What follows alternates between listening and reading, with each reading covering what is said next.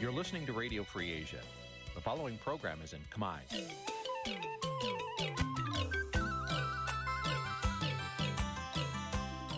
Nǐ chi càm bi tiệp xáy vệt chiu a zì sê ray នេះជាកម្មវិធីផ្សាយរបស់ Vithu Azisari ជាភាសាខ្មែរ វត្តឈូអាស៊ីសេរីសូមស្វាគមន៍លោកអ្នកនាងទាំងអស់ពីរដ្ឋធានី Washington នៃសហរដ្ឋអាមេរិក បាទខ្ញុំបាទយ៉ងច័ន្ទដារាសូមជម្រាបសួរលោកអ្នកនាងអ្នកស្ដាប់វិទ្យុអាស៊ីសេរីទាំងអស់ជាទីមេត្រីបាទខ្ញុំបាទសូមជូនកម្មវិធីផ្សាយសម្រាប់យប់ថ្ងៃសៅរ៍1រោចខែភទ្របទឆ្នាំថោះបញ្ញស័កពុទ្ធសករាជ2567ដែលត្រូវនៅថ្ងៃទី30ខែកញ្ញាគ្រិស្តសករាជ2023បាទជាដំបូងនេះសូមអញ្ជើញអស់លោកអ្នកនាងស្ដាប់ព័ត៌មានប្រចាំថ្ងៃដែលមានមេត្តាដូចតទៅ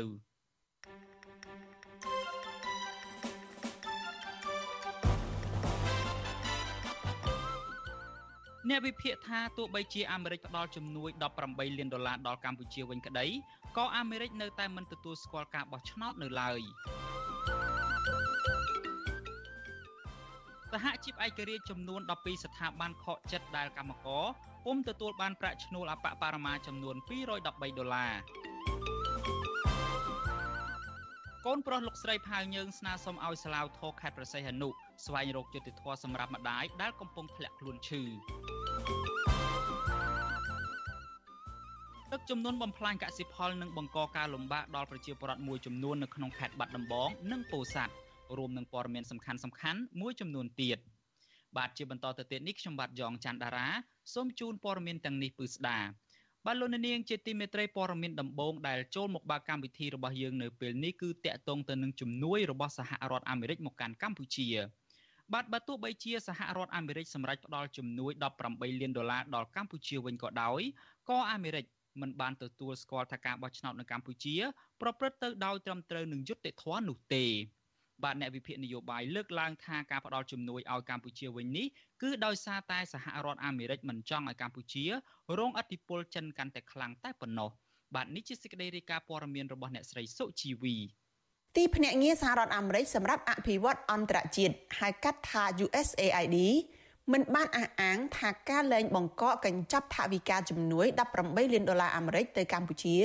គឺជាការទទួលស្គាល់លទ្ធផលបោះឆ្នោតកាលពីថ្ងៃទី23ខែកក្កដានោះឡើយ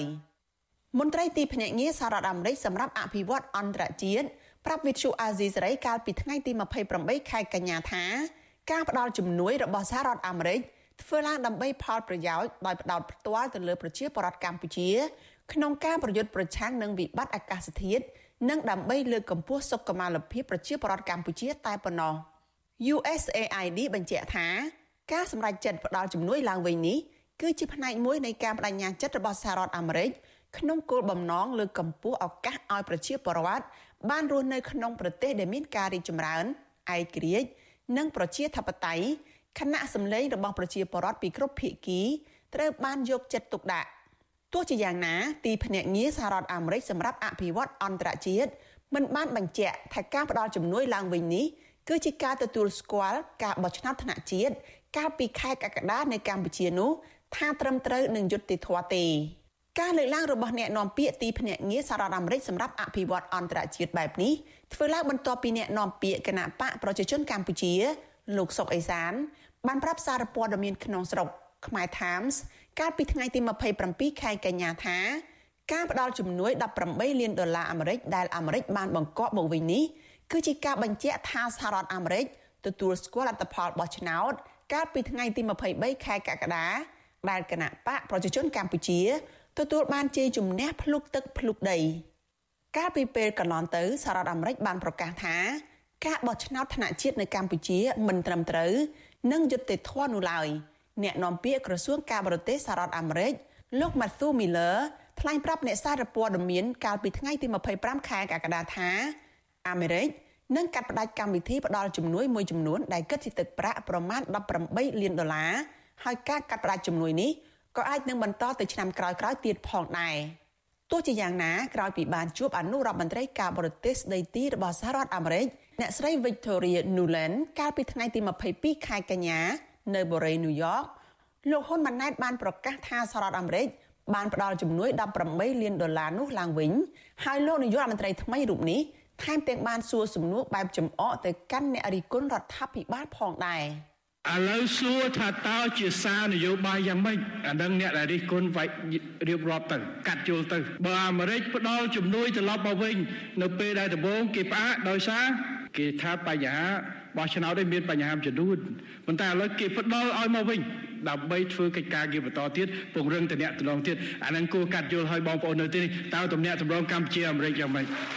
ជុំវិញរឿងនេះអ្នកវិភាគនយោបាយបណ្ឌិតសេងសេរីយល់ឃើញថា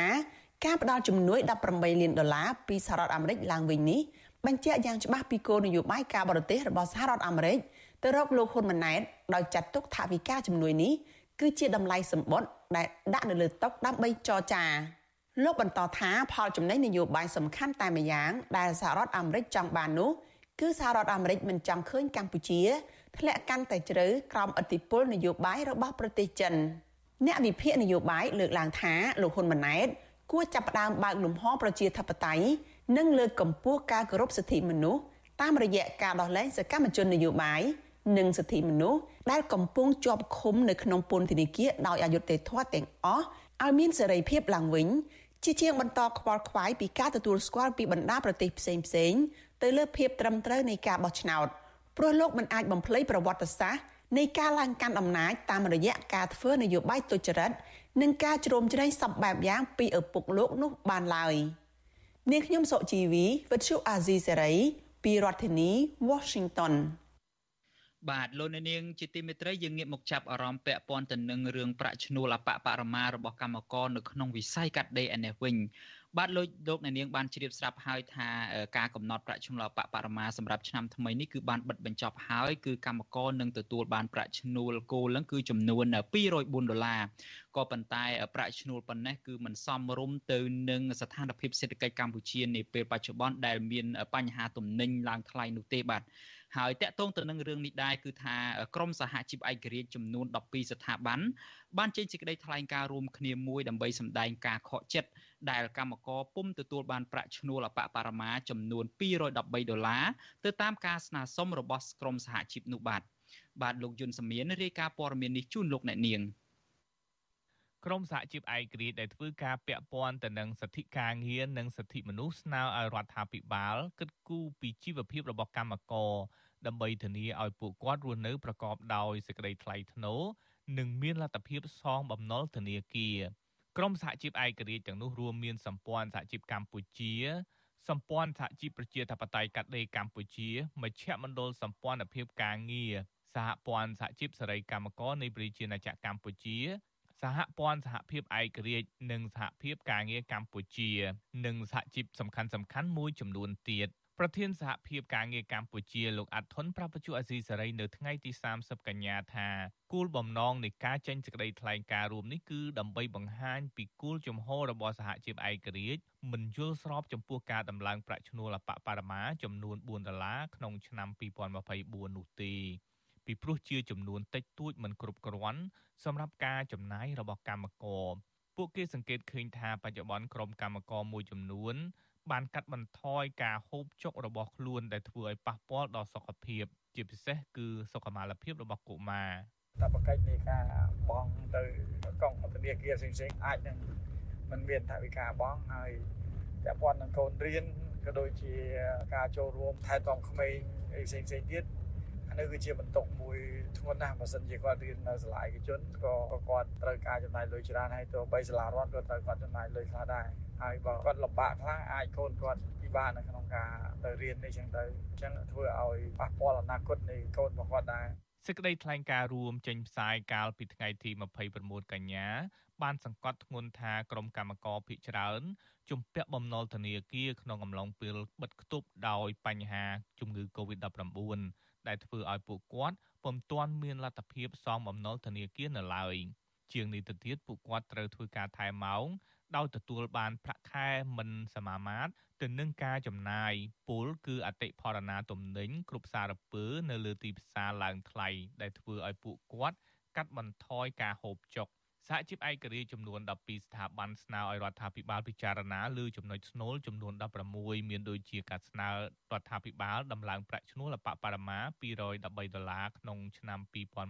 2024និងការពិចារណារយៈពេលខ្លីដំឡើងប្រាក់ឈ្នួលពីចន្លោះ300ដុល្លារដល់500ដុល្លារសម្រាប់រយៈពេលវែងការកាត់បន្ថយអតិផរណាលើចំណីអាហារប្រេងសាំងនិងការអនុវត្តច្បាប់សម្រាប់ជួលផ្ទះឲ្យមានប្រសិទ្ធភាព សហជីពក៏ស្នើឲ្យរបបវេលាសន្តិសុខសង្គមពង្រីកការចុះបញ្ជីឲ្យកម្មករនិងពង្រឹងសេវារបបសន្តិសុខសង្គមឲ្យមានគុណភាពជាពិសេសជំរុញឲ្យអធិការកិច្ចចុះត្រួតពិនិត្យក្រុមហ៊ុនរោងចក្រសហគ្រាសដែលមិនបានចុះបញ្ជីឲ្យក្រុមកម្មករត្រូវចាត់វិធានការតាមផ្លូវច្បាប់ហើយនឹងស្នើឲ្យរដ្ឋាភិបាលឧបត្ថម្ភសាច់ប្រាក់ចំនួន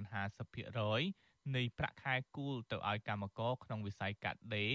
និងវិស័យផ្សេងផ្សេងទៀតដែលកំពុងព្យួរកិច្ចសន្យាការងារនិងបាត់បង់ការងារជាដើមវិទ្យុអាស៊ីសេរីមិនអាចតាក់ទងណែនាំពាក្យក្រសួងការងារលោកកតាអូនដើម្បីសុំការបកស្រាយជុំវិញបញ្ហានេះបានទេនៅថ្ងៃទី30ខែកញ្ញាប៉ុន្តែទោះបីជាយ៉ាងណាទាំងលោកនាយករដ្ឋមន្ត្រីហ៊ុនម៉ាណែតនិងរដ្ឋមន្ត្រីក្រសួងការងារលោកហេងសួរហាក់សម្ដែងការរីករាយចំពោះការដំឡើងប្រាក់ខែ4ដុល្លារដែលមិនអាចទិញបានសាច់គោ1គីឡូផងនោះ តកតងទៅនឹងបញ្ហានេះមន្ត្រីសិទ្ធិការងារនៃអង្គការសង្ត្រាល់លោកខុនថារ៉ូសោកស្ដាយដែលរដ្ឋាភិបាល កំណត់យកប្រាក់ឈ្នួលអបបរមា204ដុល្លារហាក់មិនបានឆ្លើយតបទៅនឹងទុកកង្វល់របស់កម្មករដែលកំពុងប្រឈមនឹងបំណុលវ័នកលោកបន្តថាដើម្បីលើកកម្ពស់ជីវភាពកម្មករឲ្យរស់នៅសមរម្យរដ្ឋាភិបាលត្រូវតែធ្វើកំណែតម្រង់លើវិស័យការងារនិងស្ដារលទ្ធិប្រជាធិបតេយ្យឡើងវិញ ដើម្បីទទួលបានប្រព័ន្ធអនុគ្រោះពន្ធ EBA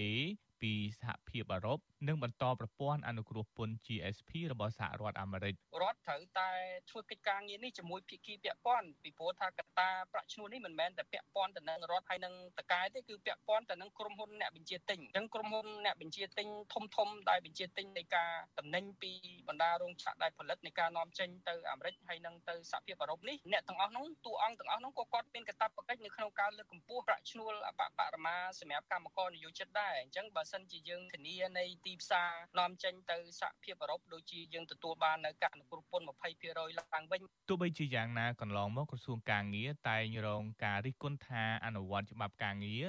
លំអៀងទៅភាគីនយោជកនិងគ្មានឆន្ទៈជួយពលរដ្ឋខ្មែរជាពិសេសកម្មករឲ្យមានជីវភាពរស់នៅប្រសើរឡើយ មន្ត្រីសហជីពនិងសិទ្ធិការងារទទូចរដ្ឋាភិបាល អនុវត្តច្បាប់ដោយឈរលើគោលការណ៍អព្យាក្រឹតនិងចុះសិក្សាស្រាវជ្រាវពីស្ថានភាពជីវភាពរបស់ក្រុមកម្មករដើម្បីឲ្យពួកគាត់រស់នៅប្រកបដោយសេចក្តីថ្លៃថ្នូរខ្ញុំយុនសាមៀនវិទ្យុអាស៊ីសេរីប្រធានាធិបតី Washington បាទលោកនាងជាទីមេត្រីតកតងទៅនឹងរឿងសេរីភាពខាងសមាគមនិងខាងការជួបប្រជុំឯនេះវិញ បាទសមាគមគ្រូបង្រៀនកម្ពុជាឯករាជ្យនិងប្រារព្ធទិវាគ្រូបង្រៀនពិភពលោក5តុលានៅទីលានប្រជាធិបតេយ្យក្រោមប្រធានបទសេរីភាពសមាគមបាទការប្រារព្ធទិវានេះគឺបន្ទាប់ពីសាលារាជធានីភ្នំពេញបានអនុញ្ញាតឲ្យសមាគមយកទីលានប្រជាធិបតេយ្យរៀបចំពិធីក៏ប៉ុន្តែមិនអនុញ្ញាតឲ្យដង្ហែញ៉ាត់នោះទេបាទសមាគមគ្រូបង្រៀនកម្ពុជាឯករាជ្យនៅថ្ងៃទី30ខែកញ្ញាបានចេញលិខិតអំពាវនាវដល់សមាជិកសមាជិកា អ្នកគ្រូលោកគ្រូមន្ត្រីវិជ្ជាអាណាព្យាបាលសិស្សនិងមន្ត្រីសង្គមស៊ីវិលចូលរួមប្រារព្ធទិវាគ្រូបង្រៀននៅថ្ងៃទី5ខែតុលាខាងមុខនេះនៅទីលានប្រជាធិបតេយ្យសមាគមនឹងដាក់ញត្តិជូនទៅក្រសួងអប់រំយុវជននិងកីឡាខុទ្ទកាល័យនាយករដ្ឋមន្ត្រី និងរដ្ឋសភាជាតិដើម្បីលើកកម្ពស់សេរីភាពសមាគមនិងកែលម្អកម្រិតស្ថានភាពជីវភាពរបស់គ្រូបង្រៀន បាទសមាគមគ្រូបង្រៀនកម្ពុជាឯករាជ្យបានឯកភាពទៅតាមសំណើរបស់អាជ្ញាធររាជធានីភ្នំពេញដែលស្នើសុំឲ្យរៀបចំពិធីនៅទីលានប្រជាធិបតេយ្យនៅក្នុងខណ្ឌឫស្សីកែវដោយមិនមានការដង្ហែក្បួននោះទេបាទអាជ្ញាធរនឹងសម្របសម្រួលឲ្យស្ថាប័នពាក់ព័ន្ធមកទទួលញត្តិនៅទីតាំងប្រារព្ធពិធីដោយយោងទៅតាមស្ថានភាពនៃការកកស្ទះចរាចរណ៍និងសន្តិភាពសាធារណៈបាទលិខិតអំពាវនាវបានទាមទារឲ្យរដ្ឋាភិបាលដំឡើងប្រាក់ខែគ្រូបង្រៀន បញ្ឈប់ការរើសអើងចំពោះសមាគមនិងគ្រូបង្រៀននៅក្នុងសាលារៀនជាដើមប្រធានសមាគមគ្រូបង្រៀនកម្ពុជាឯករាជ្យអ្នកស្រីអុកឆាយាវីប្រាប់វិទ្យុអាស៊ីសេរីថាគ្រូបង្រៀនគឺជាអ្នកលះបង់ពេលវេលានិងកម្លាំងកាយចិត្តដើម្បីបង្ហាត់បង្រៀនសិស្សក៏ប៉ុន្តែប្រាក់បៀវត្សដែលពួកគាត់ទទួលបាន គឺมันអាចឲ្យពួកគាត់រស់នៅក្នុងសេចក្តីថ្លៃថ្នូរនោះទេបើសិន ជាមានការកាត់បន្ថយមន្ត្រីដែលអត់បានការនឹងចោលខ្ញុំគិតថាយកមកដើម្បីឲ្យវិស័យអប់រំបានប្រសើរគឺបំឡើងប្រាក់បៀវត្សដល់គ្រូបង្រៀនបលិសហ៊ានអីដែលគាត់កំពុងតែធ្វើការងារដើម្បីជាតិហ្នឹងខ្ញុំគិតថាល្អប្រសើរ បាទអ្នកស្រីអុកឆាយាវីបន្ថែមថាការកាត់បន្ថយចំនួនមន្ត្រីជាន់ខ្ពស់ឬមួយក៏ទីប្រឹក្សាដ៏ច្រើនលើសលប់របស់រដ្ឋាភិបាលនោះអាចជារឿងដ៏ប្រសើរដើម្បីសន្សំទុកថវិកាជាតិទាំងនោះយកទៅដំឡើងប្រាក់ខែឲ្យគ្រូបង្រៀននៅក្នុងការលើកកម្ពស់វិស័យអប់រំនៅកម្ពុជាកម្មវិធី Vithu Azizi ស្រីសម្រាប់ទូរស័ព្ទដៃអាចឲ្យលោកអ្នកនាង អានអត្ថបទទស្សនាវីដេអូនិងស្ដាប់ការផ្សាយផ្ទាល់ដោយឥតគិតថ្លៃ និងដោយគ្មានការរំខានដើម្បីអាននិងទស្សនាមេតិការថ្មីថ្មីពី Vithu Azisari លោកអ្នកនាងគ្រាន់តែចុចបាល់កម្មវិធីរបស់ Vithu Azisari ដែលបានដំឡើងរួចរាល់លើទូរស័ព្ទដៃរបស់លោកអ្នកនាងប្រសិនបើលោកអ្នកនាងចង់ស្ដាប់ការផ្សាយផ្ទាល់ឬការផ្សាយចាស់ចាស់សូមចុចលើប៊ូតុងរូប Vithu ដែលស្ថិតនៅផ្នែកខាងក្រោមនៃកម្មវិធីជាការស្រេច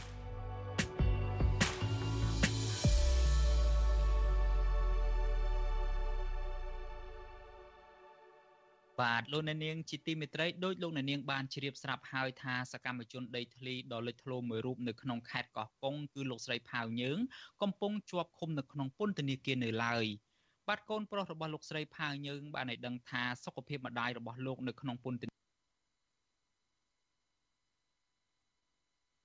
ខ្សោយជាខ្លាំងដោយសារតែគាត់ទើបតែចេញពីបន្ទប់វះកាត់មុនពេលដែលអាជ្ញាធរចាប់ខ្លួនគាត់ដាក់ពន្ធនាគារបាត់កតានេះហើយដែលសហគមន៍បានសរសេរលិខិតស្នើសុំជំនួសម្ដាយរបស់លោក និងលោកស្រីសេងលីនដើម្បីស្នើសុំបាននៅក្រៅឃុំបណ្ដោះអាសន្នដើម្បីព្យាបាលជំងឺកូនប្រុសរបស់លោកស្រីផាវយើងគឺយុវជនហងវាសនាប្រាប់វិទ្យុអាស៊ីសេរីនៅថ្ងៃទី30ខែកញ្ញានេះថាលោកបានឃើញលិខិតដែលសហគមន៍បានសរសេរនោះហើយហើយលោកក៏បានតាក់ទងទៅម្ដាយរបស់លោកផងដែរ។ បាទយុវជនដដែលយល់ឃើញថាសកម្មភាពដែលម្ដាយរបស់លោកតវ៉ាប្រឆាំងទៅនឹងការរំលោភយកដីធ្លីនោះមិនមែនជាបទល្មើសនោះទេហើយលោកគោរពតាមការសម្រេចរបស់ចិត្តបាទសំទោសគឺលោកគោរពតាមការសម្រេចចិត្តរបស់ម្ដាយរបស់លោក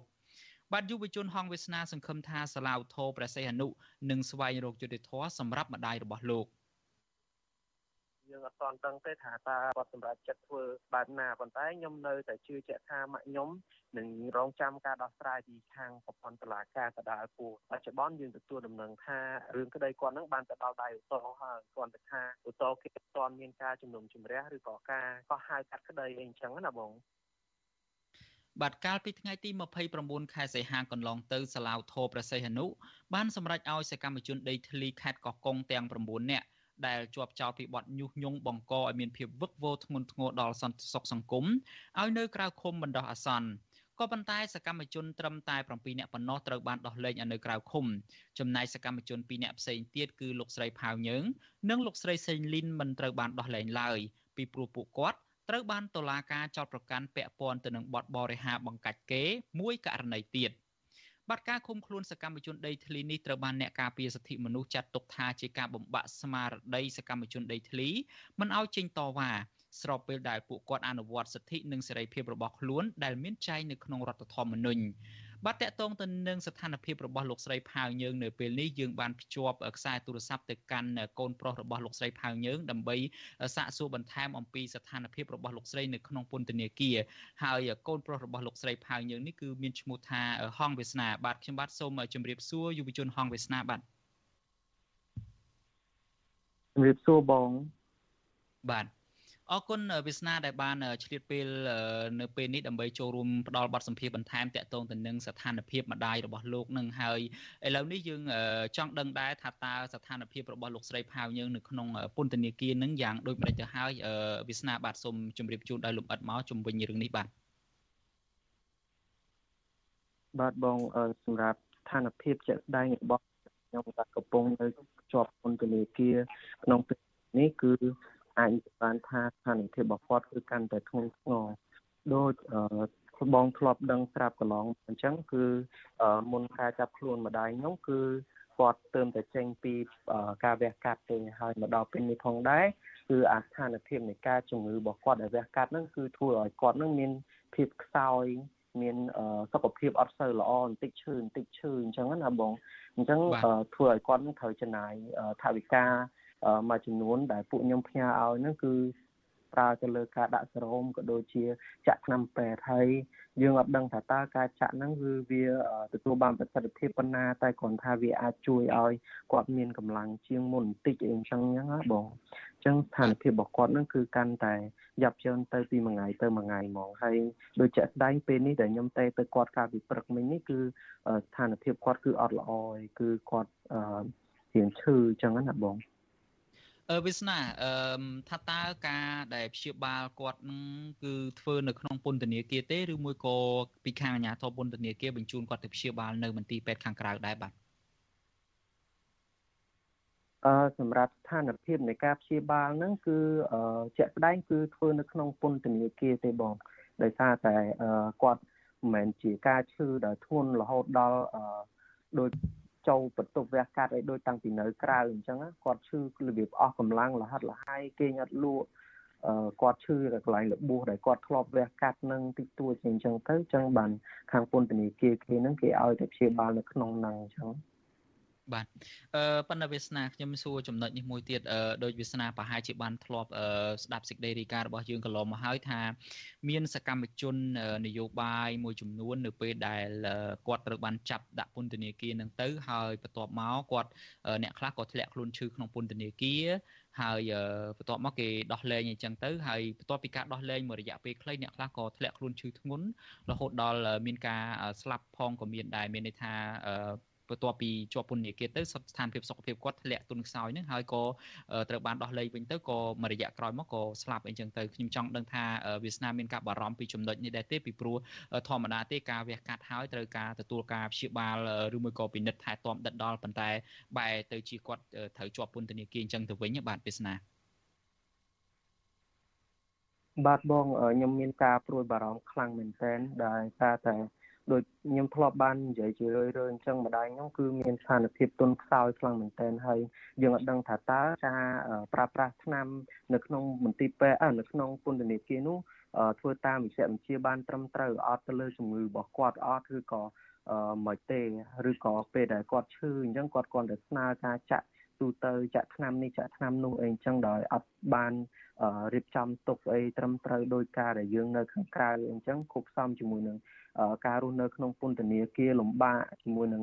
អាវិបត្តិផ្លូវចិត្តគាត់កាន់តែធ្ងន់ធ្ងរផងគឺយើងមានការព្រួយបារម្ភមែនទែនដោយបងលើកឡើងអញ្ចឹងគឺពួកខ្ញុំអត់ដឹងថាតើនៅពេលដែលគាត់មានឱកាសទទួលបានសេរីភាពឬក៏អីនៅវិញនៅថ្ងៃក្រោយតើសុខភាពគាត់នឹងមានការប្រែប្រួលយ៉ាងណាអញ្ចឹងពួកខ្ញុំដែលជាកូនកូននៅខាងក្រៅនេះមានការបារម្ភខ្លាំងមែនទែនហ្មងបង បាទ អរគុណវាសនាខ្ញុំបានទទួលដំណឹងមួយទៀតតកតងទៅនឹងស្ថានភាពគ្រួសាររបស់វាសនាហ្នឹងគឺនៅពេលដែលលោកស្រីផៅយើងកំពុងតែជាប់ពន្ធនាគារនេះយើងឮដំណឹងមកថាមានការចូលទៅកោះផ្ទះមានការចូលទៅបំផ្លិចបំផ្លាញអីចឹងនៅក្នុងគេហដ្ឋានរបស់វាសនាហ្នឹងវាសនាអាចជម្រាបជូនលោកនាងផងបានទេតើស្ថានភាពហ្នឹងយ៉ាងម៉េចទៅវិញរឿងហ្នឹងយ៉ាងម៉េចទៅវិញបាទហេតុអីបានជាមានករណីកោះផ្ទះកោះអីនៅក្នុងស្ថានភាពដែលម្ដាយរបស់វាសនាកំពុងជាប់ពន្ធនាគារនៅពេលនេះចឹងបាទបាទបងពាក់ព័ន្ធជាមួយនឹងចំណុចនេះដែរខ្ញុំក៏ចង់បង្ហាញពីការព្រួយបារម្ភខ្លាំងមែនទែនទៅលើសុខភាពរបស់ពួកខ្ញុំក៏ដូចជាគ្រួសារខ្ញុំទាំងមូលមិនថាជាម៉ាក់ខ្ញុំមិនថាជាគ្រួសារខ្ញុំទាំងមូលក៏ដូចជាទ្រព្យសម្បត្តិនៅក្នុងផ្ទះរបស់ខ្ញុំឯងព្រោះតាំងពីមានការទៀមទាតវ៉ាទៅលើទៀមទាលើដីរបស់យើងនេះគឺនេះជាលើកទី3ហើយដែលមាន ជនអត់ស្គាល់មុខចូលលួចទ្រព្យរបស់លួចកោះផ្ទះរបស់យើងខ្ញុំចាំថាលើកទី1គឺកាលពីខ្ញុំនៅក្មេងអាយុ10ជាង11 12ឆ្នាំហ្នឹងគឺចៅលួចកោះផ្ទះរបស់យើងយកម៉ូតូមួយគ្រឿងហើយលើកទី2កាលពីឆ្នាំ2013 14ហ្នឹងគឺមានចោលកោះផ្ទះយើងដែរហើយកាលហ្នឹងដូចជាយកខ្សែកម៉ាក់ខ្ញុំព្រោះម៉ាក់ខ្ញុំនៅសល់ខ្សែកមួយហ្នឹងគឺយកហើយជាមួយនឹងការ ចាប់មន់ចាប់អីយើងពេលដែលយើងអត់នៅផ្ទះហ្នឹងគឺគាត់យកទៅអស់លីងពេលយើងមកដល់ផ្ទះគឺនៅក្នុងផ្ទះគឺតលីលវងអត់មានអីសោះហើយកាលពីម្សិលមិញហ្នឹងគឺជាលើកទី3ហើយដែលគណៈដែលម៉ាក់ខ្ញុំកំពុងតែជាប់ពន្ធនាគារហើយខ្ញុំយកប្អូនខ្ញុំមករៀននៅភ្នំពេញវិញព្រោះគាត់អត់មានអ្នកមើលថែអីអញ្ចឹងខ្ញុំយកគាត់មកឲ្យគូផ្សំជាមួយនឹងស្ថានភាពគ្រួសារយើងយ៉ាប់យើងខ្លាំងពេកខ្ញុំក៏សម្រេចចិត្តចូលធ្វើការរកការងារធ្វើអញ្ចឹងទៅ អត់មានអ្នកមើលថែផ្ទះអញ្ចឹងដល់ពេលអត់មានអ្នកមើលថែផ្ទះផ្ញើអ្នកភូមិអ្នកស្រុកនៅហ្នឹងគឺឃើញថាម្សិលមិញហ្នឹងគឺមានអ្នកទៅកោះទៅកោះទ្វារផ្ទះយើងហ្នឹងហើយចូលកោះទូកោះអីអឺលប៉ាត់លបាយអីសម្ភារៈអីវ៉ាន់ពេញទឹកពេញដីហើយយើងក៏អត់ដឹងថាអឺឯកសារណាខ្លះដែលពួកគាត់ប្លន់យកទៅទេ ហើយពួកខ្ញុំមានការបារម្ភទៅលើឯកសារដែលបាត់ហ្នឹងអីបន្ថែមទេហើយឯកសារសំខាន់សំខាន់ដូចជាឯកសារសម្គាល់ខ្លួនហើយនឹងប្លង់ដីប្លង់ផ្ទះអីហ្នឹងយ៉ាងម៉េចដែរវាសនាចំណុចនេះបាទអឺមុននេះពួកខ្ញុំបានរកឃើញលិខិតផ្ទេដីកម្មសិទ្ធិដីវិញឲ្យបងដោយសារតែអឺ គាត់រើប៉ាត់ប៉ាយអញ្ចឹងទៅយើងទើបតែរកឃើញអញ្ចឹងណាបងប៉ុន្តែឯកសារពាក់ព័ន្ធជាមួយនឹងការធ្វើការសហគមន៍របស់ម៉ាក់ខ្ញុំហ្នឹងគឺយើងអត់ដឹងទេដោយសារតែម៉ាក់នៅក្នុងពន្ធនាគារយើងអត់ដឹងថាឯកសារគាត់ទុកនៅណាឬក៏មានឯកសារណាខ្លះអីអញ្ចឹងទៅបងបាទវាស្នាឯកសារតខ្លួនដូចជាអត់មានការបាត់ទេបាទ តកតងទៅនឹងរឿងកោះផ្ទះកោះអីចូលទៅយកទ្រព្យសម្បត្តិឬមួយក៏ទៅបំផ្លិចបំផ្លាញទ្រព្យសម្បត្តិនៅក្នុងគេឋានរបស់វាសនានៅឯខេត្តកោះកុងហ្នឹងមកដល់ពេលនេះថាតើមានការបដិងផ្ដាល់ឬមួយក៏មានចំណាត់ការអីណាមួយដែរទេពីខាងអាជ្ញាធរមូលដ្ឋានហ្នឹងបាទវាសនាបាទបងដោយសារតែពេលដែលខ្ញុំដឹងរឿងនេះគឺពីម៉ោងម៉ោង3ល្ងាចហើយដល់ពេលយើងទម្រាំជិះទៅដល់ខាង អាញាធរព្រោះផ្ទះខ្ញុំដាច់ដល់ហើយឆ្ងាយពីខាងប៉ូលីសអីអញ្ចឹងទៅទៅដល់ភូមិគឺសមាជិកភូមិប្រធានភូមិហ្នឹងគាត់អត់នៅដល់ពេលយើងទៅទៅមរំទៅដល់ឡើងប៉ុស្តិ៍គឺ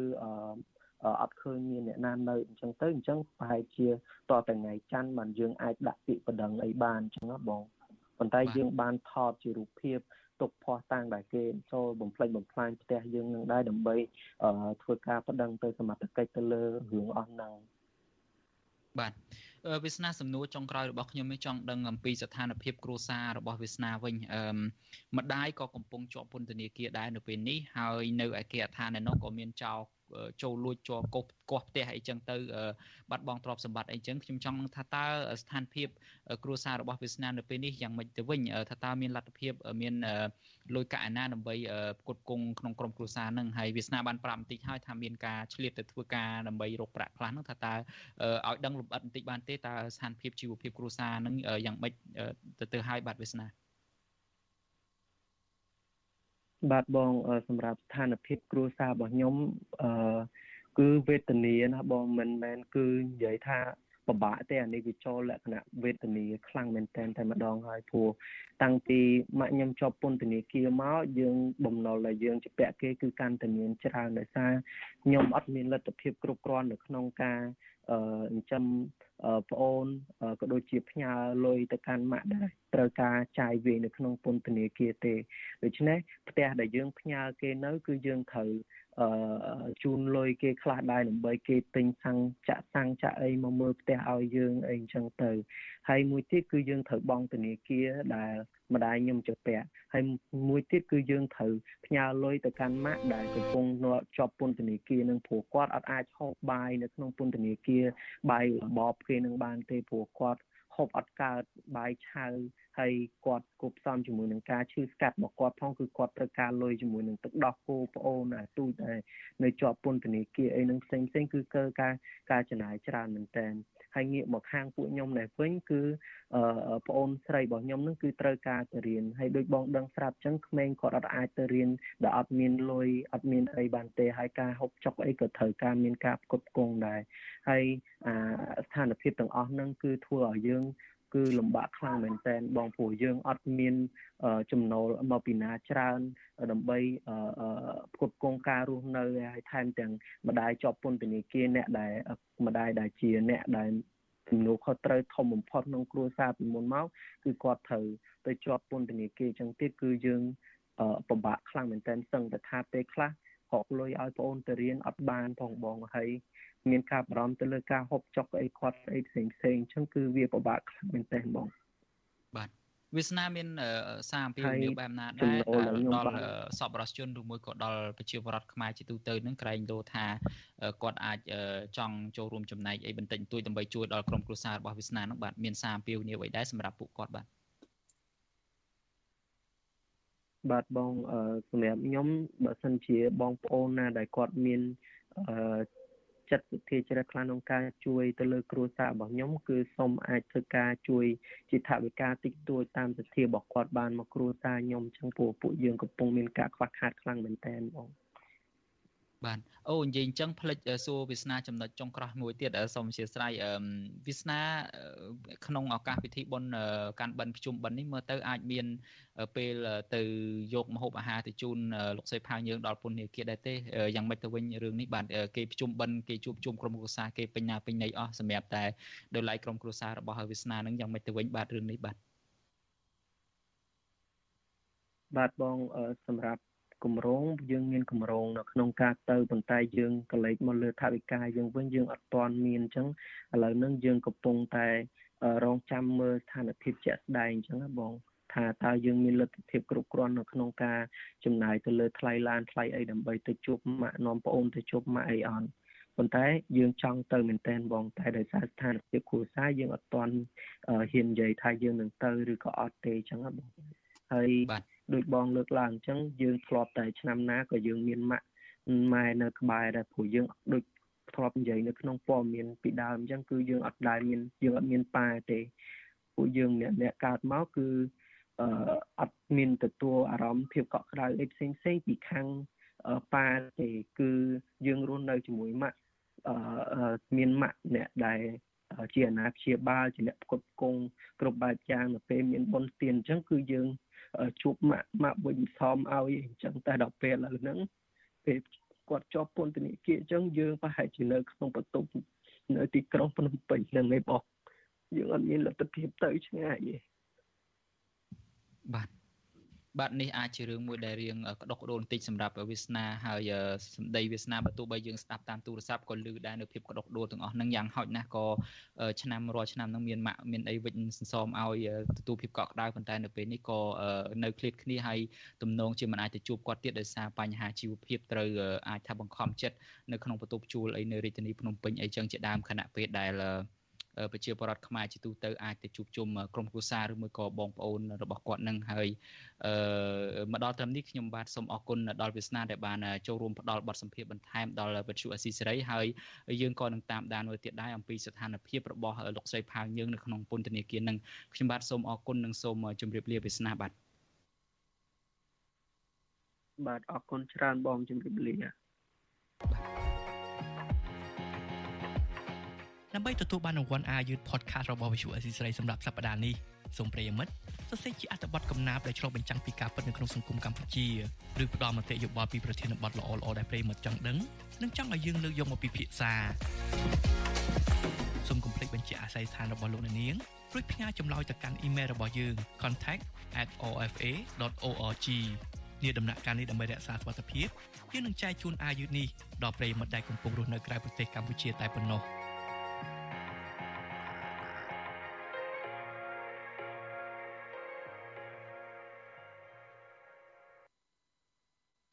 បាទលោកអ្នកនាងជាទីមេត្រីដោយលោកអ្នកនាងបានស្ដាប់បំបញ្ញមិញហើយគឺតកតងទៅនឹងកម្មវិធី podcast របស់យើងអាស៊ីសេរីមកទល់ពេលនេះបានចេញផ្សាយនៅកម្មវិធី podcast ហ្នឹងចំនួន20ភាគឬមួយក៏20 episode រួចមកហើយដូច្នេះប្រសិនបើលោកអ្នកនាងចង់តាមដានឬមួយក៏ចង់ស្ដាប់កម្មវិធី podcast នេះឡើងវិញលោកអ្នកនាងអាចចូលទៅក្នុង Google ឬមួយក៏ Apple ឬមួយក៏ Google podcast ហ្នឹងទៅលោកអ្នកនាងនឹងអាចស្ដាប់បានហើយតកតងទៅនឹងកម្មវិធីរបស់យើងហ្នឹងហើយយើងក៏មានបានចាក់ផ្សាយជាហោហែដែរនៅលើកម្មវិធីផ្សាយព័ត៌មានរបស់យើងនៅរៀងរាល់យប់ថ្ងៃច័ន្ទដូច្នេះសូមលោកនាងបន្តតាមដានកម្មវិធី podcast ដែលជាកម្មវិធីថ្មីរបស់យើងផលិតឡើងដោយលោកសំពូលីជានាយកនិងលោកជុនច័ន្ទបុតជានាយករងនៃវិទ្យុអាស៊ីសេរីផ្នែកកាមេរ៉ាភាសានឹងជាបន្តបន្តទៅទៀតបាទសូមអរគុណបាទលោកនាងជាទីមេត្រីយើងងាកមកចាប់អារម្មណ៍តកតងទៅនឹងស្ថានភាពទឹកជំនន់ឯនេះ ទឹកជំនន់ស្ទឹងសង្កែខេត្តបាត់ដំបងនិងស្ទឹងពោធិ៍សាត់បានបំផ្លាញផលដំណាំរបស់ប្រជាពលរដ្ឋអស់ជាច្រើនហិកតានិងបង្កការលំបាកដល់ការរស់នៅប្រចាំថ្ងៃរបស់ប្រជាពលរដ្ឋជាពិសេសការធ្វើដំណើរដែលអាចប្រឈមទៅនឹងគ្រោះថ្នាក់មន្ត្រីអង្គការសង្គមស៊ីវិលអំពាវនាវឲ្យអាជ្ញាធរយកចិត្តទុកដាក់នៅក្នុងការការពារពលរដ្ឋទាំងនៅក្នុងពេលមានទឹកជំនន់និងពេលទឹកស្រកទៅវិញបាទលោកជាតិចំណានរាយការណ៍ព័ត៌មាននេះជូនលោកអ្នកនាងចំនួនទឹកភ្លៀងនៅភូមិខាងលិច ក្នុងរយៈពេលមួយសប្តាហ៍ចុងក្រោយនេះកំពុងគម្រាមកំហែងដល់ការរស់នៅនិងផលដំណាំដែលកំពុងប្រមូលផលរបស់ប្រជាពលរដ្ឋនៅតាមបណ្ដោយស្ទឹងសង្កែក្នុងខេត្តបាត់ដំបងនិងស្ទឹងនៅក្នុងខេត្តពោធិ៍សាត់ដែលបង្កឲ្យមានការលំបាកនិងប៉ះពាល់ដល់ជីវភាពរបស់ពលរដ្ឋពលរដ្ឋរស់នៅស្រុកឯកភ្នំខេត្តបាត់ដំបងលោកម៉ាប់វិបុលប្រាប់វិសុអេស៊ីស្រីនៅថ្ងៃទី30ខែកញ្ញាថាបើទោះបីជាទឹកនៅក្នុងស្ទឹងសង្កែបានស្រកអស់ខ្លះទៅហើយក្តីក៏ប៉ុន្តែនៅក្នុងតំបន់ខ្លះនៅមានទឹកដក់ គណៈផ្លូវថ្នល់មួយចំនួនមានភាពខូចខាតរអិលពិបាកធ្វើដំណើរជាងនេះទៅទៀតលោកបន្តថាចំការម្ទេសពោតនិងដំណាំស្រូវដែលកំពុងប្រមូលផលក៏កំពុងរងគ្រោះដែលឈានទៅដល់ការខាត់បងធ្ងន់ធ្ងរដោយសារតែប្រមូលផលមិនទាន់ពេលព្រោះប្រជាកសិករភាគច្រើនមិនទទួលបានព័ត៌មានអំពីការបើកទំនប់ដែលបង្កឲ្យមានចំនួននោះឡើយ។ បាទអ្នកខ្លះទៅក៏គាត់បានទៅអ្នកខ្លះគាត់ច្រូតមុនទៅអ្នកខ្លះគាត់ច្រូតក្រោយទៅអ្នកច្រូតក្រោយហ្នឹងគឺគាត់បានទាំងអស់គាត់បានទាំងស្រុងខូចខាត់ទាំងស្រុងទាំងអស់បងពួកគាត់ភ័យច្រើនគាត់បានចាប់អារម្មណ៍បងព្រោះគាត់អត់សូវមានពេលទៅណេមើលទូរស័ព្ទអីចឹងណាតែបើសិនជាភ័យច្រើនខ្លះណាក៏គាត់ដឹងដែរគាត់ដឹងដែរតែអីត្រូវគាត់អត់តន់ចាប់ផ្ដើមប្រមូលផលអញ្ចឹងណាព្រោះម៉ាស៊ីនគេចោះមកអញ្ចឹងទៅគេជាប់ស៊ីផុសគេគេបញ្ញត្តិពីលើនេះទៅយើងនៅក្រៅមកនោះមានម៉ាស៊ីនតែមួយពីរដល់ពេលអញ្ចឹងទៅក៏គេច្រូតអត់តន់ដោយឡែកនៅខេត្តពោធិ៍សាត់វិញ គ្រោះទឹកចំនួនចាប់ផ្ដើមតាំងពីថ្ងៃទី28ខែកញ្ញាបន្ទាប់ពីមានភ្លៀងធ្លាក់ជាច្រើនថ្ងៃជាប់ជាប់គ្នានៅតំបន់ជួរភ្នំក្រវាញនៅក្នុងស្រុកវាវែងដែលបានហូរដាច់ផ្លូវមួយចំនួននិងកន្លែងខ្លះទៀតទឹកនៅលើផ្លូវមិនអាចធ្វើដំណើរបានក្នុងនោះតំបន់ដែលរងផលប៉ះពាល់ខ្លាំងជាងគេរួមមានស្រុកវាវែងស្រុកភ្នំក្រវាញនិងក្រុងពោធិ៍សាត់ចំណែកពលរដ្ឋនៅក្នុងស្រុកកណ្ដៀងខេត្តពោធិ៍សាត់លោកស្រីសៀងហាយឲ្យដឹងថាចំនួនលេខផ្ទះប្រជាពលរដ្ឋអស់រយៈពេល3ថ្ងៃមកហើយ ចំណែកឯស្ថានភាពទឹកចំនួនស្ទឹងពោធិ៍សាត់ស្រកចុះប្រមាណ1ទឹកប៉ុណ្ណោះលោកស្រីបន្តថាទឹកចំនួននៅតែបន្តហូរចូលផ្ទះរបស់ប្រជាពលរដ្ឋមួយចំនួននៅក្នុងក្រុងពោធិ៍សាត់និងបំផ្លាញកសិផលរបស់អ្នកស្រុកអស់ជាច្រើនហិកតាក្នុងនោះតំបន់ដែលរងគ្រោះខ្លាំងជាងគេគឺស្រុកដែលនៅក្បែរបឹងទន្លេសាបដូចជាឃុំកញ្ជរឃុំខ្យានិងឃុំវាលជាដើមតែខាងក្រមលេចអស់ហើយខ្លះអត់អង្គស៊ីវឌ្ឍនាណាលោកអើយឡាយពាក្យធនាគារវិសុអស៊ីសេរី មិនអាចតាក់ទងแนะនាំពាក្យគណៈកម្មាធិការជាតិគ្រប់គ្រងគ្រោះមហន្តរាយលោកសុតកឹមកុលមនីនិងអភិបាលខេត្តបាត់ដំបងលោកសុកលូដើម្បីសុំការបកស្រាយជុំវិញរឿងនេះបានទេនៅថ្ងៃទី30ខែកញ្ញាចំណែកឯអភិបាលខេត្តពោធិ៍សាត់លោកខុយរីដាប្រាប់ថាកំពុងជាប់ប្រជុំអភិបាលខេត្តពោធិ៍សាត់លោកខុយរីដាឲ្យដឹងតាមរយៈទំព័រ Facebook របស់រដ្ឋបាលខេត្តពោធិ៍សាត់ថាមានស្រុកក្រុងចំនួន4ឃុំចំនួន15និងប្រជាពលរដ្ឋជាង3000គ្រួសារបានរងផលប៉ះពាល់ដោយសារតែចំនួនទឹកភ្លៀង ក្នុងនោះអាជ្ញាធរបានជំនះប្រជាពលរដ្ឋទៅទីទួលសុវត្ថិភាពចំនួន7600នាក់ចំណែកឯខេត្តបាត់ដំបងវិញរដ្ឋបាលខេត្តនេះមិនបានចេញរបាយការណ៍វិតម្លៃពីផលប៉ះពាល់នៅឡើយទេតើតើនឹងរឿងនេះអ្នកនាំពាក្យសមាគមសិទ្ធិមនុស្សអាត់ហុកលោកសង្សានករណាអំពាវនាវឲ្យប្រជាពលរដ្ឋនៅតាមតំបន់លិចទឹករក្សាសុវត្ថិភាព ជាពិសេសការពារក្មេងនិងមនុស្សចាស់ពីការរងគ្រោះដោយសារទឹកជំនន់នៅពេលនេះលោកបន្តថាអាជ្ញាធរក្នុងរដ្ឋបាលខេត្តត្រូវបង្កើនការយកចិត្តទុកដាក់ចុះត្រួតពិនិត្យ វិតម្លៃពីផលប៉ះពាល់របស់ប្រជាពលរដ្ឋនិងលទ្ធភាពដែលអាចសងការខូចខាតឲ្យពួកគាត់បាន។ហើយចំណុចទី3គឺដែលខ្ញុំមើលឃើញគឺក៏គួរតែត្រៀមដែរដើម្បីធ្វើយ៉ាងណានៅពេលដែលទឹកជំនន់ហ្នឹងបានស្រកផុតទៅក៏គួរមានការពិនិត្យនិងការស្ដារលទ្ធភាព ជាពិសេសខាងកាកបាទក្រហមអីហ្នឹងធ្វើយ៉ាងម៉េចជួយទៅដល់ជីវភាពពួកគាត់ហ្នឹងក្នុងរយៈពេលបណ្ដោះអាសន្នហ្នឹងដើម្បីឲ្យគាត់មានលទ្ធភាពក្នុងការរស់នៅដើម្បីស្ដារនៅជីវភាពរបស់ពួកគាត់ឡើងវិញក្រោយពីរងគ្រោះដោយសារតែបញ្ហាទឹកជំនន់ទាំងអស់ហ្នឹងបាទបើទោះបីជាបញ្ហាទឹកជំនន់កើតមានឡើងស្ទើរជារៀងរាល់ឆ្នាំប៉ុន្តែប្រជាពលរដ្ឋរស់នៅតាមបណ្ដោយស្ទឹងជាពិសេសស្ទឹងសង្កែនៅក្នុងខេត្តបាត់ដំបងទទូចឲ្យអាជ្ញាធរ ផ្ដល់ដំណឹងឲ្យបានទូលំទូលាយដល់អ្នកដែលរស់នៅប៉ែកខាងក្រោមដើម្បីត្រៀមខ្លួនទុកមុនរាល់ពេលដែលអាជ្ញាធរបើកទ្វារទំនប់បង្ហូរទឹកមកជៀសវាងការបង្កគ្រោះថ្នាក់ភ្លាមៗនិងការខាត់បងធំធេងខ្ញុំបាទជាចំណាន Visual Assisray ប្រធានាទី Washington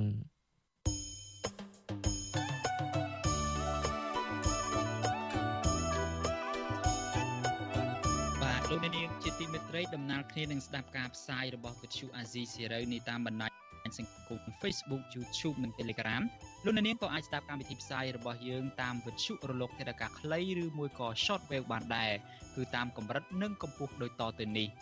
បាទពេលព្រឹកចាប់ពីម៉ោង5កន្លះដល់ម៉ោង6កន្លះតាមរយៈប៉ុស SW 12.14 MHz ស្មើនឹងកម្ពស់ 25m និងប៉ុស SW 71 MHz ស្មើនឹងកម្ពស់ 22m ពេលយប់ចាប់ពីម៉ោង7កន្លះដល់ម៉ោង8កន្លះតាមរយៈប៉ុស SW 9.33 MHz ស្មើនឹងកម្ពស់ 32m ប៉ុស SW 11.88 MHz ស្មើនឹងកម្ពស់ 25m និងប៉ុស SW 12.15 MHz ស្មើនឹងកម្ពស់ 25m បាទសូមអរគុណ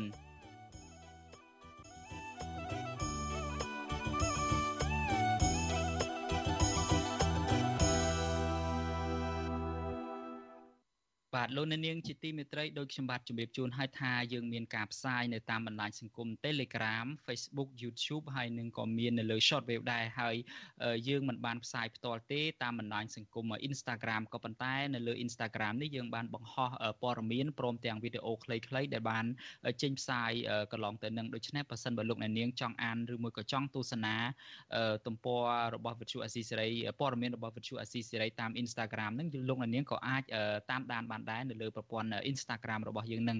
ដូច្នេះ Virtual Asia សេរីមានច្រើនជំរើសច្រើនមធ្យោបាយនៅក្នុងការដែលលោកអ្នកនាងអាចទទួលបានព័ត៌មានរបស់យើងបាន ហើយប្រសិនបើលោកអ្នកនាងចង់ជួយយើងខ្ញុំវិញគឺលោកអ្នកនាងគ្រាន់តែ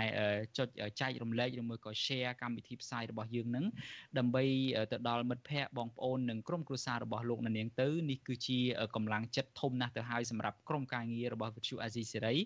នៅក្នុងការពំនាំឬមួយក៏នៅក្នុងបេសកកម្មស្វែងរកនៅព័ត៌មានពិតដើម្បីផ្សព្វផ្សាយជូនទៅកាន់លោកអ្នកនាង អំពីប្រទេសកម្ពុជា បាទសូមអរគុណ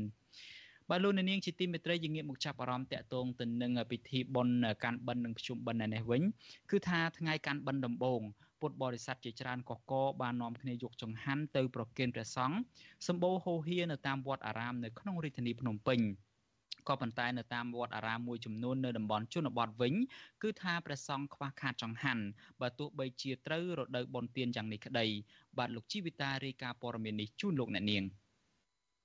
បិណ្ឌទី1នៃពិធីបុណ្យកាន់បិណ្ឌពុទ្ធបរិស័ទនៅរាជធានីភ្នំពេញនាំគ្នាយកចង្ហាន់ទៅប្រគេនព្រះសង្ឃ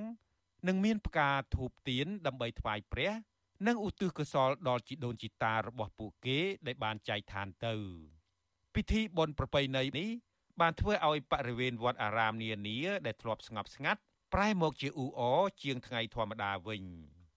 ព្រះគ្រូមង្គលបញ្ញាភិរញានអិនពុទ្ធិ គង់នៅវត្តស្ទឹងមានជ័យរាជធានីភ្នំពេញ មានធរណីកាថាពលរដ្ឋឆ្នាំនេះហាក់មានជីវភាពលំបាកដោយសារវិបត្តិកូវីដនិងបញ្ហាសកលលោកប៉ុន្តែថ្ងៃបិណ្ឌ1និង2ដែលចំថ្ងៃចុងសប្តាហ៍នេះមានពុទ្ធបរិស័ទចូលរួមច្រើន ដើម្បីអុជធូបរាប់បាតឧទ្ទិសកុសលផលបុណ្យដល់ជីដូនជីតា និងប្រគេនចង្ហាន់ច្រើនដែរព្រះអង្គថាចង្ហាន់ទាំងនោះប្រសង់គង់នៅតាមកុដនីមួយៗបានចែកជូនទៅកូនសិស្ស ដូនជីស្នាក់នៅក្នុងវត្តជាពិសេសពលរដ្ឋក្រីក្រជំបិននឹងមានសារៈសំខាន់ខ្លាំងណាស់តាំងពីសម័យប្របាទអង្គឌុំលោកបង្កើតមកគឺចង់ឲ្យខ្មែររបស់យើងនឹងរួបរวมគ្នាសាមគ្គីគ្នាស្រឡាញ់គ្នាទៅវិញទៅមកអញ្ចឹងដល់ចំណុចទី1ចំណុចទី2ទៀតយើងបានឱកាសថ្វាយទៀនចំពោះព្រះសង្ឃជាតក្កណានុបទានទៅជូនចំពោះបុព្វការីជនយើងផងទៅជូនចំពោះអ្នកដែលបានពលីជីវិត ទាំងអតីតព្រះមហាវីរក្សត្រទាំងពីសម័យមហានគររហូតដល់បច្ចុប្បន្នកងទ័ពទាហានអីចឹងជាដើមតែគាត់លះបង់សាច់ស្រស់ឈាមស្រស់ដើម្បីការពារទឹកដីឲ្យយើងរស់នៅដល់សពថ្ងៃហ្នឹងចំណុចទី3មួយទៀតពុទ្ធបរិស័ទគាត់មានឱកាសបានមកស្ដាប់ប្រសងសូត្របារាសម្រើនសម្ដែងវធទេសនាបដិបដើមពីការប្រព្រឹត្តល្អបដិបត្តិល្អសំជាពលរដ្ឋល្អអញ្ចឹងណាបង ពលរដ្ឋនិងពុទ្ធបរិស័ទខ្មែរតែងនាំគ្នាប្រារព្ធធ្វើពិធីបុណ្យកាន់បិណ្ឌនិងភ្ជុំបិណ្ឌក្នុងទីវត្តអារាមតាមភូមិស្រុកទូទាំងប្រទេសក្នុងអំឡុងពេលប្រសង់គង់ចាំព្រះវស្សារយៈពេល3ខែពលរដ្ឋរស់នៅរាជធានីភ្នំពេញលោកខឿនប៊ុនធឿនដែលយកចង្ហាន់ទៅប្រគេនប្រសង់នៅវត្តសម្បួរមាសខណ្ឌដង្កោប្រាប់ថាឆ្នាំនេះលោកនិងគ្រួសារបានរៀបចំបាយម្ហូបពីរមុខទៅប្រគេនប្រសង់ដើម្បីឧទ្ទិសកុសលដល់ឪពុកបង្កើត រួមទាំងសាច់សាលោហិតដែលចែកឋានទៅ លោកឲ្យដឹងថាឆ្នាំនេះលោកប្រគិនចង្ហាន់និងបច្ច័យដល់ព្រះសង្ឃបានតិចតួចទៅតាមលទ្ធភាពដោយសារលោកពិបាករកប្រាក់ចំណូលទៅមកគ្រួសារចឹងហ្មងណាទៅទៅមាននឹងកូននឹងអីហ្នឹងដើម្បីអីខ្ញុំបានធ្វើម៉េចឲ្យកូនចៅហ្នឹងស្គាល់ពីប្រពៃណីទៅលំអប់តាំងពីតូចតូចហ្នឹងឲ្យដឹងច្បាស់ពីប្រពៃណីពីបុណ្យរបស់ខ្មែរចឹងណាដើម្បីឲ្យគាត់បានឃើញណាឆ្នាំនេះអត់ ទៅមានច្រើនទេដោយសារបញ្ហាសេដ្ឋកិច្ចវាយើងរកចំណូលយើងទៅបានច្រើនដូចមុនអញ្ចឹងណាបងគិតត្រឹមដើមឆ្នាំ2023កម្ពុជាមានវត្តទូទាំងប្រទេសជាង5000វត្តនិងមានព្រះសង្ឃជាង60000អង្គទោះជាយ៉ាងណាទីវត្តអារាមនៅតាមជនបទមិនសូវមានប្រជាពលរដ្ឋទៅធ្វើបុណ្យច្រើននោះទេ ហើយវត្តមួយចំនួនទៀតដូចជានៅក្នុងខេត្តពោធិ៍សាត់និងខេត្តបាត់ដំបងកំពុងលិចលង់ដោយសារទឹកជំនន់ នៅភូមិខាងកើតឯនោះវិញព្រះភិក្ខុហេងសម្បត្តិព្រះចៅអធិការវត្តរាំងសីជាប់ព្រំដែនវៀតណាមស្ថិតក្នុងភូមិកណ្ដាលសង្កាត់ប្រាសាទក្រុងបាវិតខេត្តស្វាយរៀងមានធរណីកាថាវត្តរបស់ព្រះអង្គគង់នៅ មានប្រសង់ចំនួន20អង្គដោយមានពុទ្ធបរិស័ទនៅតាមភូមិចំនួន10ទៅ15គ្រួសារកាន់វេនរៀបចំចង្ហាន់ដែរតែมันបានសម្បូរហូរហៀដោយវត្តនៅតាមទីប្រជុំជននោះទេ ព្រះអង្គសូមឲ្យពុទ្ធបរិស័ទជិតឆ្ងាយមកធ្វើបុណ្យកុសលនៅវត្តដែលខ្សត់ខ្សោយឬខ្វះខាតផងទីបុណ្យកិនបិណ្ឌដែលឃើញថារយៈពេលក៏វារៀងយូរដែរសម្រាប់បណ្ដាវត្តដែលជាចុងកាត់មុតញោកនៅកន្លែងទីកំសត់កំសត់ដោយឡែកមិនមែនតែវត្តអន្តមាភាពនៅគង់នៅទីនេះទេកន្លែងវត្តផ្សេងផ្សេងក៏មានសភាវៈកំសត់ចឹងដែរអញ្ចឹងថាសម្រាប់បងប្អូនប្រជាពុទ្ធបរិស័ទដែលគាត់ជាអ្នកធ្វើបុណ្យធ្វើទាន ដូច្នេះគាត់គួរតែសម្លឹងថាកន្លែងណាដែលជួបការខ្វះខាតកន្លែងណាដែលកំពុងតែលំបាកគាត់គួរតែព្យាយាមទៅជួយកន្លែងនោះដើម្បីមើលទៅវាសមរម្យស័ក្តិសមនឹងគេដែរព្រោះកន្លែងខ្លះយើងមើលទៅសម្បូរវាសម្បូរពេកកន្លែងខ្លះដល់ខ្វះខាតក៏ខ្វះខាតពេកជុំវិញរឿងនេះរដ្ឋលេខាធិការប្រចាំការនៃក្រសួងធម្មការនិងសាសនា លោកសេងសុមនីឲ្យដឹងថា ក្រសួងបានណែនាំឲ្យអាជ្ញាធរថ្នាក់ក្រោមរៀបចំពិធីឲ្យបានល្អត្រឹមត្រូវតាមប្រពៃណីព្រះពុទ្ធសាសនា ដើម្បីធ្វើឲ្យវត្តទូទាំងប្រទេសមានពុទ្ធបរិស័ទទៅធ្វើបុណ្យច្រើនកុះកចំណែកវត្តមួយចំនួនដែលកំពុងរងគ្រោះដោយសារទឹកជំនន់និងខ្វះចង្ហាន់វិញលោកអះអាងថាថ្នាក់ដឹកនាំក្រសួង សហការជាមួយអាជ្ញាធរមូលដ្ឋានដោះស្រាយជាបន្តបន្ទាប់ហើយអ្នក ពាក់ព័ន្ធនានាទីត្រីសង្ឃគឺថានៅតាមដាវត្តមានបរិស័ទចូលរួមច្រើនក្នុងអាទិការបំពេញបុណ្យដែលបំពេញបុណ្យបែបពុទ្ធសាសនាហ្នឹងហើយចំណុចមួយទៀតគឺចាក់ចងនឹងអ្វីដែលជាជំនឿសាសនារបស់បរិស័ទនោះក៏ឃើញឃើញថាមានភាពល្អពិសាជាបុណ្យបាទគួរឲ្យកត់ស្គាល់បានន័យថាបរិស័ទគឺមានពិធីជ្រះថ្លាចំពោះសង្ឃពុទ្ធសាសនាហ្នឹង ពិធីកាន់បិណ្ឌមានរយៈពេល15ថ្ងៃគឺចាប់ពីថ្ងៃ1រោចដល់ថ្ងៃ15រោចខែពុទ្ធបុត្រដែលជាថ្ងៃបុណ្យភ្ជុំធំទៅតាមទំនៀមទម្លាប់របស់ពលរដ្ឋខ្មែរនិងការកំណត់ជាទៀងទាត់ពីបុរាណកាលមកបុណ្យនេះធ្វើឡើងដើម្បីឧទ្ទិសកុសលដល់វិញ្ញាណក្ខន្ធនៃអ្នកមានគុណទាំងឡាយដែលបានលាចាកលោកនេះទៅកាន់លោកខាងមុខម្យ៉ាងទៀតវាក៏ជាឱកាសល្អសម្រាប់ការជួបជុំក្រុមគ្រួសារដែលនៅមានជីវិត អាចឆ្វេងយល់អំពីសុខទុក្ខការគោរពស្រឡាញ់គ្នា ការដឹងគុណព្រមទាំងបង្កើននៅសាមគ្គីភាពថែមទៀតផងបុណ្យកាន់បិណ្ឌឆ្នាំនេះចាប់ផ្ដើមពីថ្ងៃទី30ខែកញ្ញាដល់ថ្ងៃទី14ខែតុលាដែលជាថ្ងៃបុណ្យភ្ជុំខ្ញុំជីវិតាអាស៊ីសេរី បាទលោកនាងជាទីមេត្រីនៅក្នុងពេលមួយរយៈពេលចុងក្រោយនេះដោយលោកនាងជ្រាបស្រាប់ហើយថាមានភាពយន្តចិនមួយដែលកំពុងតែផ្ទុះកក្រើកមែនតែនទាំងនៅប្រទេសចិនហើយទាំងនៅប្រទេសមួយចំនួនទៀតលើពិភពលោកក្នុងនោះក៏រួមមានទាំងកម្ពុជាដែរដែលភាពយន្តនោះគឺនិយាយអំពីការឆបោកតាមអនឡាញឬមួយក៏តាមប្រព័ន្ធអ៊ីនធឺណិតហ្នឹងហើយភាពយន្តចិនហ្នឹងគឺមានចំណងជើងថា No More Bets ឬអាចហៅថាជាភាសាខ្មែរហ្នឹងថាឈប់ភ្នាល់ឬមួយក៏ឈប់ចាក់ បាទភាពយន្តនេះគឺថាឆ្លោះបញ្ចាំងអំពីខ្សែជីវិតពិតដែលមានមនុស្សរាប់ម៉ឺននាក់ត្រូវបានគេឆបោកតាមប្រព័ន្ធអ៊ីនធឺណិតដោយបណ្ដាញអ ுக ្រិតជន សន្យាថានឹងផ្ដល់ការងារមានប្រាក់ខែខ្ពស់ក៏ប៉ុន្តែនៅទីបំផុតទៅពួកគេត្រូវបានគេយកទៅបង្ខាំងទុក បង្ខំឲ្យធ្វើការងារឆបោកតាមប្រព័ន្ធអនឡាញដូចជាលបែងស៊ីសង កាស៊ីណូអនឡាញនិងក្រុមហ៊ុនឆបោកផ្សេងផ្សេងដើម្បីបោកប្រាស់អ្នកលេងលបែងអនឡាញពីប្រទេសនានាក្នុងពិភពលោក បាទយើងប្រកុលនេតិនេះជូនលោកតារារិជសែនរាយការណ៍លំអិតជូនលោកអ្នកនាងខ្សែភាពយន្តខ្នាតធំចិនដែលកំពុងរកកម្រៃជាសាច់ប្រាក់បានជាង500លានដុល្លារក្នុងឆ្នាំ2023នេះគឺច្រើនជាងភាពយន្តនានាទាំងអស់ក្នុងប្រទេសចិន ហើយជាប់លំដាប់ទី1ដែលមានទស្សនិកជនទស្សនាច្រើន ក្នុងរយៈកាលជាក់បញ្ចាំង4សប្តាហ៍ដំបូងភាពយន្តនេះជាប់លំដាប់ទី10 នៃប្រវត្តិភាពយន្តល្បីៗដែលតាក់ទាញយកការគាំទ្រច្រើន ពីមហាជនចិន មកទល់ពេលនេះភាពយន្តនេះជាប្រភេទភាពយន្តបង្ហាញអំពីសកម្មភាពអក្រិតកម្មដែលផ្ដោតទៅលើតួអង្គសំខាន់សំខាន់ពីរនាក់ដែលត្រូវបានបណ្ដាញអក្រិតជនអនឡាញបោកយកទៅបង្ខាំងទុកក្នុងរោងចក្រការងារមួយជាមួយមនុស្សរាប់ពាន់នាក់ដទៃទៀតភាពយន្តនេះបង្ហាញពីទស្សនវិជ្ជានៃការជំរិតមនុស្សបង្ខំឲ្យធ្វើការលើសកម្រិត និងដាក់កំហិត នៅអ្វីដែលពួកអក្រិតជនចង់បានដូចជាតម្រូវឲ្យពួកគេរកលុយតាមប្រព័ន្ធអនឡាញក្នុងម្នាក់ម្នាក់ឲ្យបានរាប់លានដុល្លារដោយបោកមនុស្សបន្តឲ្យមកលេងល្បែងអនឡាញលើសពីនេះភាពយន្តនេះបង្ហាញអំពីការរំលោភសិទ្ធិមនុស្សដូចជាការធ្វើទុកបុកម្នេញបាញ់សម្លាប់មនុស្សវាយដំនិងធ្វើទារុណកម្មយ៉ាងសាហាវខ្សែភាពយន្តចិននេះមិនបានបញ្ជាក់ពីទីតាំងនៃព្រឹត្តិការណ៍ដែលបានកើតឡើង ក្នុងប្រទេសណានោះទេប៉ុន្តែ ក្នុងឈុតឆាកពីខាងក្រោយ គេឃើញមានអក្សរជាភាសាខ្មែរនិងភូមា នៅតាមទីកន្លែងដែលជនរងគ្រោះស្នាក់នៅនិងធ្វើការភាពយន្តនេះមានគោលដៅផ្ញើសារទៅទស្សនិកជនថារឿងរ៉ាវដែលបានកើតឡើងក្នុងសាច់រឿងគឺជារឿងពិត បានកើតឡើងនៅក្រៅប្រទេសចិន ដែលក្រុមបណ្ដាញអក្រិតជនចិនអាចអូសទាញអ្នកទេសចរចិនដែលទៅកំសាន្តក្នុងបណ្ដាប្រទេសអាស៊ីអាគ្នេយ៍ឲ្យលងជឿក្នុងការបោកបញ្ឆោតរបស់ពួកគេ ម្យ៉ាងទៀតខ្សែភាពយន្តនេះបានរំលេចពីអត្តន័យដែលមនុស្សយើងទូទៅអាចលងខ្លួនក្នុងការញៀនលបែងតាមប្រព័ន្ធអនឡាញដែលក្នុងឈុតមួយ បានបង្ហាញថា មានបរិះក្មេងម្នាក់ជ្រុលខ្លួន ហើយបានចាញ់លុយជាច្រើន តាមបណ្ដាញឆបោកមួយនេះទីបំផុតក៏ធ្វើអត្តឃាតដោយលោតសម្លាប់ខ្លួនពីអាគារខ្សែភាពយន្តចិននេះផលិតឡើងក្នុងន័យបង្ហាញពីភាពប្រេផ្សាយរបស់បណ្ដាញអ ுக ្រិតកម្មចិន ដំណើរការនៅក្រៅស្រុក ដែលពាក់ព័ន្ធក្នុងការឆបោកចាប់ជំរិតមនុស្សបង្ខំឲ្យធ្វើការដូចជាទាសករ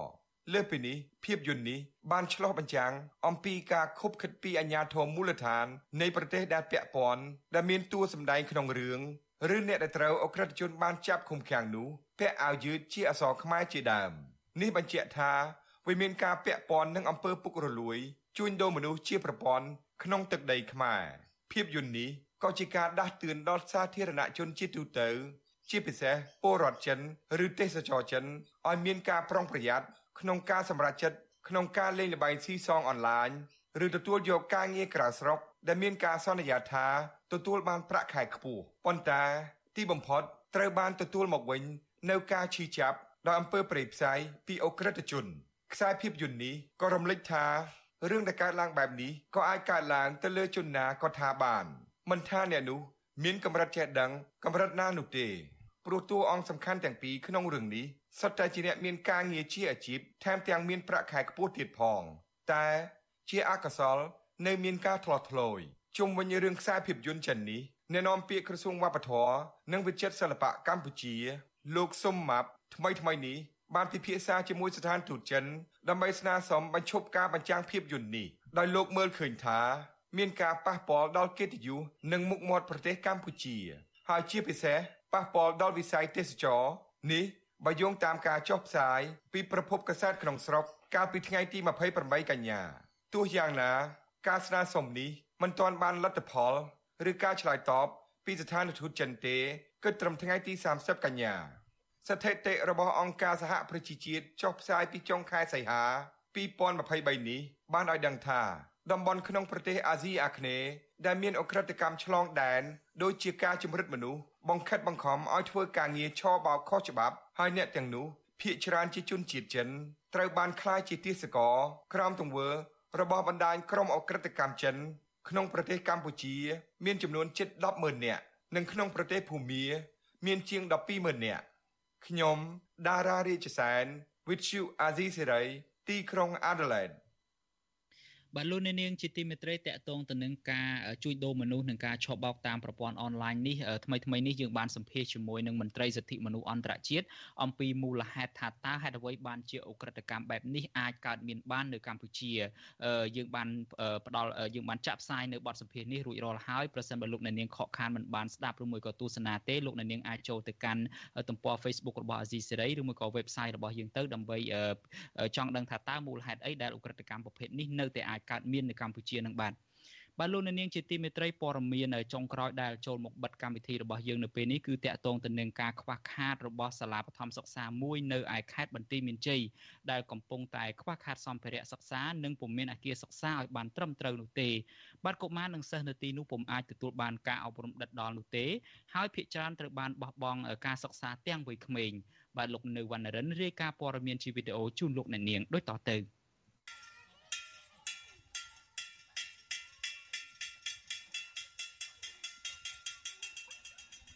សាលាបឋមសិក្សាគោកធ្លកដែលមានអគារសិក្សាចំនួន1ខ្នងចែកជា2បន្ទប់ជាញឹកញាប់ត្រូវទឹកជន់លិចក្នុងរដូវវស្សាបង្ខំឲ្យកុមារផ្អាកការសិក្សារហូតដល់ពេលទឹកស្រកទៅវិញយោសម្រាប់ពីយ៉ា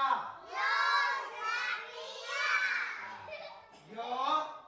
អាគារនៃសាលាដែលធ្វើអំពីឈើនេះមានសភាពទ្រុឌទ្រោមនិងព័ទ្ធទៅដោយស្មៅដុះខ្ពស់ខ្ពស់ នៅចំកណ្ដាលអាងត្រពាំងថ្មដ៏ធំល្វឹងល្វើយដែលបន្សល់ទុកពីសម័យខ្មែរក្រហម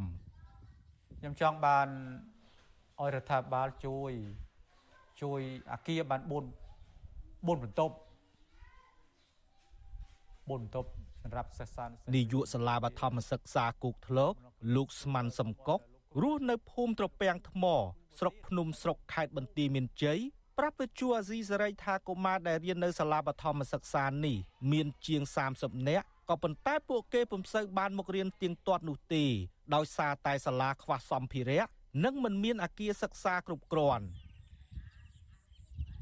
សាលាបឋមសិក្សាដែលនៅឆ្ងាយពីទីប្រជុំជនជាង10គីឡូម៉ែត្រនេះមានសភាពស្ងប់ស្ងាត់និងដាច់ស្រយាល ហើយសិស្សមួយចំនួនត្រូវបានសាលាបញ្ជូនទៅឲ្យអង្គុយរៀននៅសាលាឆទាននៅក្នុងភូមិដោយសារតែសាលាខ្វះបន្ទប់សិក្សា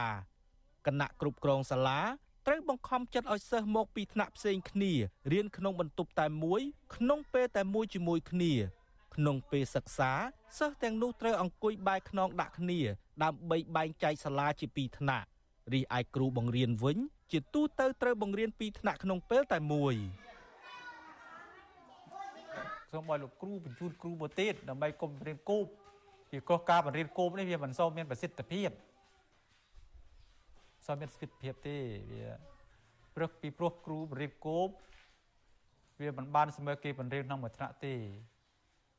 ពីព្រោះមួយថ្នាក់វាដុតទៅតែមុខពីព្រោះយើងដល់ពីរថ្នាក់វាត្រូវទៅមុខហើយថយក្រោយវិញត្រូវបែរមកបរៀនមួយថ្នាក់ទៀតដូច្នេះវាការបរៀននោះវាអត់ រីកចម្រើនបានទេវាវាត្រូវថយមុខថយក្រោយចុះវាពិបាកយើងសាលាបឋមសិក្សាដ៏ទ្រុឌទ្រោមនេះមានគ្រូបង្រៀនក្របខ័ណ្ឌតែ3នាក់ប៉ុណ្ណោះហើយសុទ្ធតែជាបរិះទៀតលោកគ្រូទាំងនោះឲ្យដឹងថាពួកគេជិះម៉ូតូកាត់វាលស្រែនិងព្រៃស្ងាត់ចម្ងាយ8ទៅ10គីឡូម៉ែត្រដើម្បីមកបង្រៀនសិស្សជារៀងរាល់ថ្ងៃ ពលរដ្ឋម្នាក់រស់នៅក្នុងភូមិឈូអាង ស្រុកភ្នំស្រុកខេត្តបន្ទាយមានជ័យលោកខុនឈើយលើកឡើងថាបញ្ហាផ្លូវក៏ជាឧបសគ្គដ៏ធំ ដែលធ្វើឲ្យគ្រូបង្រៀនពុំអាចមកបង្រៀនបានទៀងទាត់ហើយធ្វើឲ្យកុមារខកខានទៀនសូត្រជាញឹកញាប់លោកថាផ្លូវមកកាន់សាលាបឋមសិក្សាគោកធ្លកខូចខាតស្ទើរតែទាំងស្រុងពុំដែលមានមន្ត្រីអាជ្ញាធរណាគិតគូរដោះស្រាយឡើយលោកអះអាងថាធម្មតា ប្រជាពលរដ្ឋបើកម៉ូតូឬជិះគោយន្តតាមផ្លូវចូលមកក្នុងភូមិបានតែពេលពុំមានភ្លៀងធ្លាក់តែប៉ុណ្ណោះតែបើសិនជាមានភ្លៀងធ្លាក់វិញ គេមិនអាចធ្វើដំណើរបាននោះទេការលំបាកដល់ពេលខែទឹកជួនអញ្ចឹងលិចសាលាគ្នាមកអត់បានរៀនអត់កើតកាលណាតែទឹកលិចហើយលិចសាលាកូនសិស្សគ្នាទៅអត់បានទេគឺនោះភីខ្លួនទៅនៅឯថ្នល់កពស់ហើយនោះ គូលិចផ្ទះលិចអុយអស់រាល់តែឆ្នាំចេះគ្រូអើយដល់ពេលខែទឹកឡើងគឺលិចជួបការលំបាកច្រើនណាស់ដល់ពេលបានបានរៀនមួយតែខែប្រាំងថាផ្លូវវាស្រួលផ្លូវស្រួលទៅគ្នាចេះតែមកបាន